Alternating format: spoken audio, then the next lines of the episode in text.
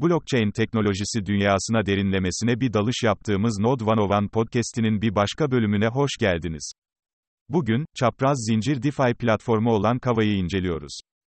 Blockchain teknolojisi 10 yıldan uzun bir süredir varlığını sürdürmektedir. Ayrıca, finans ve tedarik zinciri yönetimi de dahil olmak üzere çeşitli sektörleri de etkilemektedir.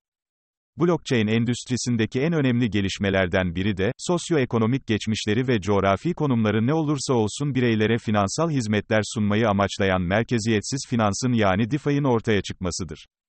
DeFi sektörü son yıllarda önemli bir büyüme yaşadı ve Kava protokol bu trendde aktif olarak yer almaktadır.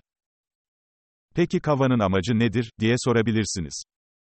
Kava, dijital varlıklar için merkeziyetsiz bir bankadır. Bu da kullanıcıların geleneksel bir finansal aracıya ihtiyaç duymadan varlıkları ödünç alıp verebileceği anlamına gelir. Modüler bir blockchain geliştirme çerçevesi olan Cosmos SDK üzerinde çalışır ve Tendermint tabanlı bir Proof of Stake konsensüs mekanizması kullanır, bu da onu güvenli bir platform haline getirmektedir.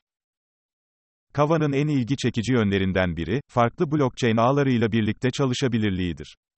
Birlikte çalışabilirlik, temel olarak bir ürünün diğer ürün veya sistemlerle çalışabilme yeteneğidir.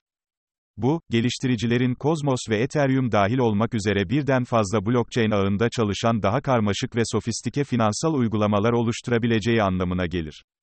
Bu özellik aynı zamanda kullanıcıların ve varlıkların kava ve diğer büyük ekosistemler arasında serbestçe akabilmesini sağlayarak, büyüme ve gelişme için daha fazla fırsat sunmaktadır. Peki Kava'nın eski finans yöntemlerinden tam olarak farkı nedir? DeFi, merkeziyetsiz finans anlamına gelen bir terimdir ve geleneksel finansal aracıları bozmayı amaçlayan kripto para birimi veya blockchain'lerdeki farklı finansal uygulamaları kapsar.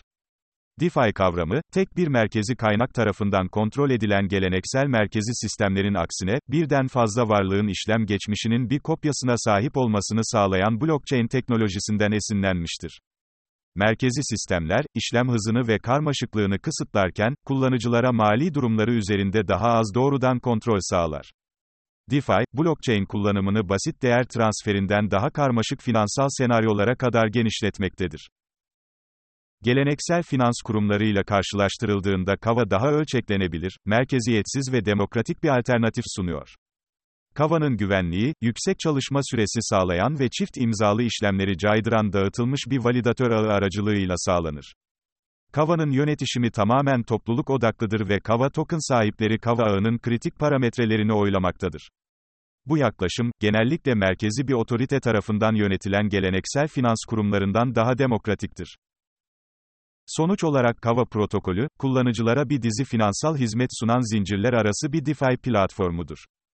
Sorunsuz birlikte çalışabilirliği, zincir içi teşvik programı ve topluluk odaklı yönetişimi, onu DeFi alanında öne çıkan bir proje haline getirerek geleneksel finans kurumlarına daha ölçeklenebilir, merkeziyetsiz ve demokratik bir alternatif sunuyor. Bir Node 101 podcast'inin daha sonuna geldik. Node 101 olarak sadece sıradan bir validatör olmadığımızı, kendimizi Türk blockchain ekosistemini inşa etmeye ve dahil olan herkes için değer yaratmaya adadığımızı unutmayın. Blockchain dünyasındaki bir başka heyecan verici projeyi keşfederken bir dahaki sefere bize katılın. Dinlediğiniz için teşekkürler.